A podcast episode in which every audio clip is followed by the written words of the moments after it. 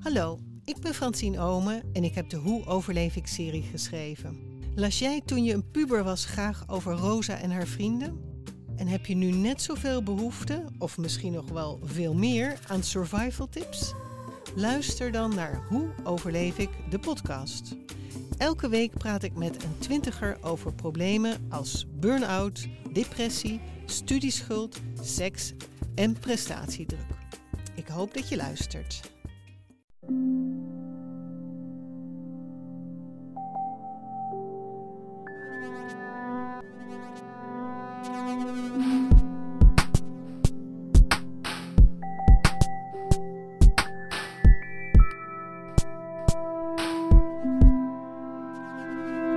Dit is Relaas, waarin mensen een verhaal vertellen over iets dat ze zelf hebben meegemaakt. Zo kom ik bijvoorbeeld net terug van vakantie in Italië met mijn familie en met mijn dochter, die nu mee in de studio staat. Dag Lumen. Hallo. Ik heb iets met Italië. Al sinds dat ik 12 jaar was, ga ik daar toch wel elk jaar naartoe. En ik wil ook elk jaar opnieuw teruggaan. Noël die heeft iets gelijkaardigs, maar dan met Groot-Brittannië. En dat vertelde hij in juli in Huzet in Gent.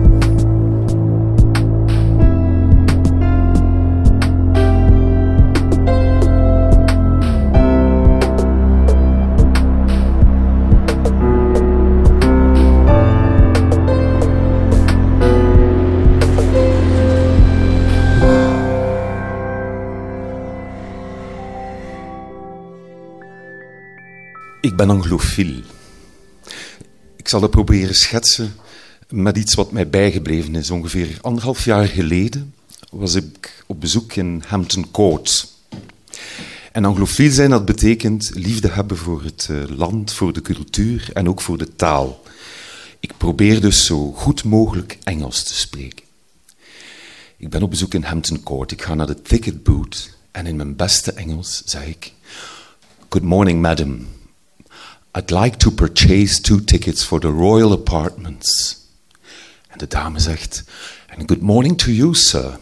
Two tickets, of course. May I inquire from which part of the country you are? Waarop ik zeg: Belgium, madam. I'm from Belgium.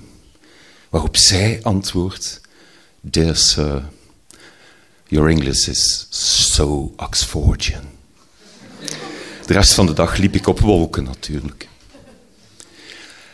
Mijn eerste ervaring met Engeland begint in de zomer van 1976. Ik ben dan tien jaar. En ik ga voor het eerst met mijn ouders en mijn broer naar onze familie in Engeland. Want ik heb al een beetje Engels bloed. We nemen de boot in Oostende. Want toen moest je nog de boot nemen. En het duurde vier uren vooraleer je aankwam in Dover. Een pa rijdt van de boot en we rijden door een prachtig Engels landschap. En ik ben onmiddellijk verliefd. We rijden naar Watford, waar mijn familie woont. In de Kites Drive. En wie uh, de Engelse detective-series kent, wel, zo ziet de Kites Drive eruit typische Engelse cottages. En in het midden van de wijk een green, waar mensen cricket aan het spelen zijn. Het is een prachtige zomer en ik maak al gauw vriendjes en vriendinnetjes. Emma van naast de deur en Steve en John. Maar ik ben tien en ik spreek geen Engels. Maar met gebaren en aanwijzen en mijn nichtjes, die af en toe wel iets vertalen, lukt het. Ik voel mij onmiddellijk opgenomen. En ik leer ook dat er is een goede truc om uh, bij de Engelse favoritized te worden. Na iedere zin zeg je gewoon please of thank you. En dat bezorgt mij de bijnaam Darling and Love. We doen ook heel wat uitstappen in die zomer. We gaan naar Londen. Ik zie voor het eerst in mijn leven een grootstad. En dan zie je daar echt ook nog de mannen rondlopen, 1976, met bolhoed, in pak en paraplu. En we bezoeken zo de typische uh, plaatsen, Trafalgar Square, Buckingham Palace. Maar we gaan ook buiten Londen. We bezoeken Windsor Castle, we bezoeken Whipsnade Zoo, Longleat Castle, waar de Marquis of Bath woont.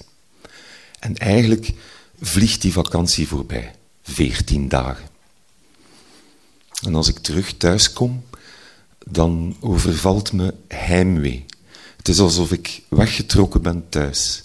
En elke avond sta ik voor het raam en kijk ik naar wat ik denk wat de richting Engeland is. En met echt tranen die over mijn wangen rollen, neem ik, zeg ik slaap wel tegen mijn familie in Engeland. Ik noem ze echt op. Good night, auntie, good night, uncle. Dus zo hard had het me gepakt. Twee jaar later, ik ben twaalf, krijg ik mijn eerste transistorradio.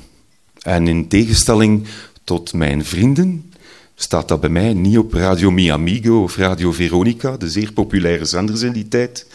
Maar mijn radio is afgestemd op BBC World Service en BBC Radio 4. Nu, dat zijn twee zenders waar geen noodmuziek op te horen is. Alleen maar praatprogramma's. Uh, Talk of the Day, Newsweek, uh, noem maar op. En een van mijn lievelingsprogramma's is Letter from America van Alistair Cook. Nu, Alistair Cook is al een paar jaar dood, maar dat was een fenomeen. Dat was een fenomenale radiomaker die elke week een soort podcast avant la lettre had en die een of andere Amerikaanse topic behandelde. Nu, mij ging het niet om de topic, maar om het Engels die die man sprak. Die man sprak het soort Engels van de mooiste en zuiverste vorm. En ik nam op. Ondertussen had mijn tante in Engeland ook wel door dat daar een klein anglofieltje geboren was. En zij stuurde me boekjes op uh, van Enid Blyton, The Famous Five, en ook van P.G. Woodhouse, uh, Jeeves en Bertie Wooster. En zo uh, leerde ik Engels. Was af en toe ook een Engelse krant, alhoewel dat die peperduur waren hier. Maar Engeland.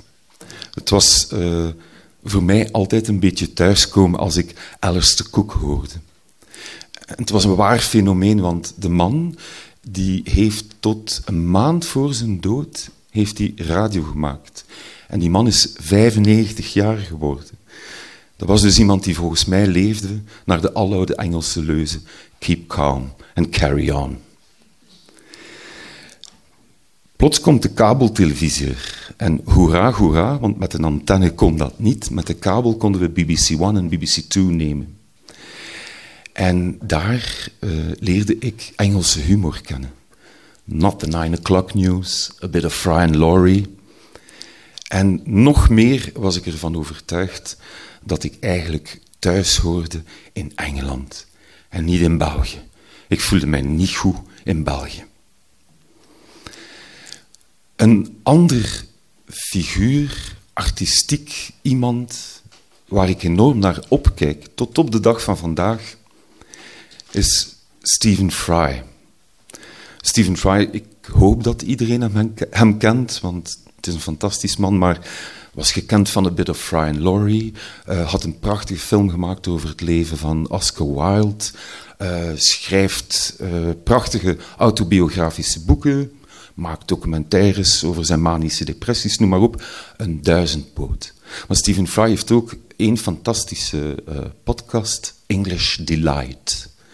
En het is echt waar English Delight. Ik luister daar vaak naar om mijn Engels bij te schaven. En echt waar mijn tas Tetley Tea. Heel belangrijk voor mij. Je zal wel snappen straks waarom. Om u een idee te geven hoe belangrijk Stephen Fry is. Zes jaar geleden sterft, ik ben de oudste van vier, sterft mijn jongere broer. Hij is 40, krijgt acute leukemie en op drie dagen is hij weg. En alsof het drama nog niet groot genoeg is, besluit mijn kleine broertje zes maanden later om zelf uit het leven te stappen. Nu moet je weten, ik ben een veellezer. En op het moment van de dood van mijn broers kon ik geen letter meer gelezen krijgen. Ik uh, nam een boek, legde het weer weg, nam het opnieuw. Het lukte niet. Behalve de boeken van Stephen Fry. Om een of andere reden, van het minst dat ik een boek nam van Stephen Fry, lukte het wel. En op een dag dacht ik, Ik ga hem schrijven. Ik ga hem gewoon een brief schrijven en uitleggen wat er gebeurd is, dat mijn broers gestorven zijn en dat zijn werk mij ongelooflijk veel troost biedt. Daarmee was voor mij de kous af. Ik dacht, bon, ik ben mijn ei kwijt en Stephen Fry die krijgt waarschijnlijk zo duizenden brieven op een dag. En, maar goed, hij weet dan dat er daar ergens in België ook iemand is die ongelooflijke fan is van hem. Maar je moet weten, zelfs voor de Engelsen is Stephen Fry eigenlijk een rolmodel over wat truly Englishmen zijn betekent. Dus zo belangrijk is hij. Bon, er gaan een aantal weken voorbij. En dan groot is mijn verwondering als ik op een morgen mijn brievenbus open en er zit een prachtige gekartelde witte envelop in de bus. En in sierlijke letters staat erop To Mr. Noel Calabout. Ik doe het open en er zit een kaartje in. En het gaat als volgt. London, 2010. Dear Noble, I'm very sorry for the tragic death of your brothers, and I'm very sorry for the grief you have. But it humbles me that my work gives you some comfort. With sincere greetings and love, Stephen Fry. Ik ben moeten gaan zitten. Ik heb mij letterlijk opnieuw een tas Tetley tea gemaakt en het laten over mij komen. En als ik toen nog geen anglofiel zou geweest zijn, dan ben ik het op dat moment wel zeker geworden. En nu, met de Brexit en met Boris Johnson en David Cameron en Nigel Farage, er is geen een van die drie die mij zal overtuigen om geen anglofiel meer te zijn. Want ik ben het geworden dankzij Alistair Cook, Stephen Fry en heerlijke kopjes Tea.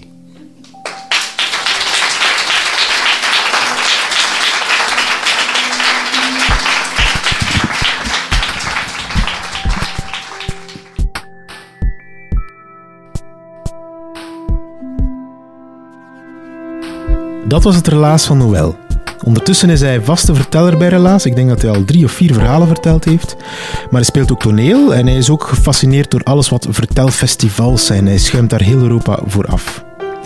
En dus is hij ook zot van Engeland. Ehm, na zijn verhaal over Engeland, dat je net gehoord hebt, hebben Noël en ik nog lang staan praten over Groot-Brittannië, over de gewoontes daar en ook over high tea gaan drinken. Uh, bijvoorbeeld in het Hilton Hotel in Londen. Hij wou mij al meteen zijn exclusive membership card uitlenen. Of hoe moet je dat zeggen? Exclusive membership card. Zo'n vriendelijke mens is dat dus, die Noël. Heb je zelf een herkenbaar of misschien een bijzonder verhaal, groot of klein, maakt niet uit, um, dan kan, dat, uh, dan kan je dat ook vertellen op onze vertelavonden gewoon www.relaas.be en daar kan je jezelf kandidaat stellen om te vertellen. Je kan er ook alle andere verhalen beluisteren en je komt er te weten wanneer de volgende vertelavond is, voor mocht je eens willen komen luisteren live. Relaas is er dankzij de stad Gent. Onze partners zijn Urgent FM, Pulp Deluxe en REC. Relaas wordt gemaakt door Dieter van Huffel, Timo van de Voorde, Sarah Latré, Philippe Cox, Evert Savers, Charlotte Huigen, Marilyn Michels, Helena Verheijen, Anna van den Abelen, Kenny Vermullen en ikzelf ben Pieter Blomme. En uh, dankzij jullie komt onze podcast hoger in de ranking staan. Dus vertel andere mensen over wie wij zijn, wat we doen. Raad onze podcast aan aan andere mensen. Dan verdient u uw hemel. Je kan ons ook gewoon liken op Facebook, voor mocht je dat nog niet hebben gedaan. Gewoon relaas intypen en dan share ons. Je kent dat wel. Op die manier steun je relaas, dat is al meer dan voldoende. Dank je voor het luisteren en tot een volgende relaas.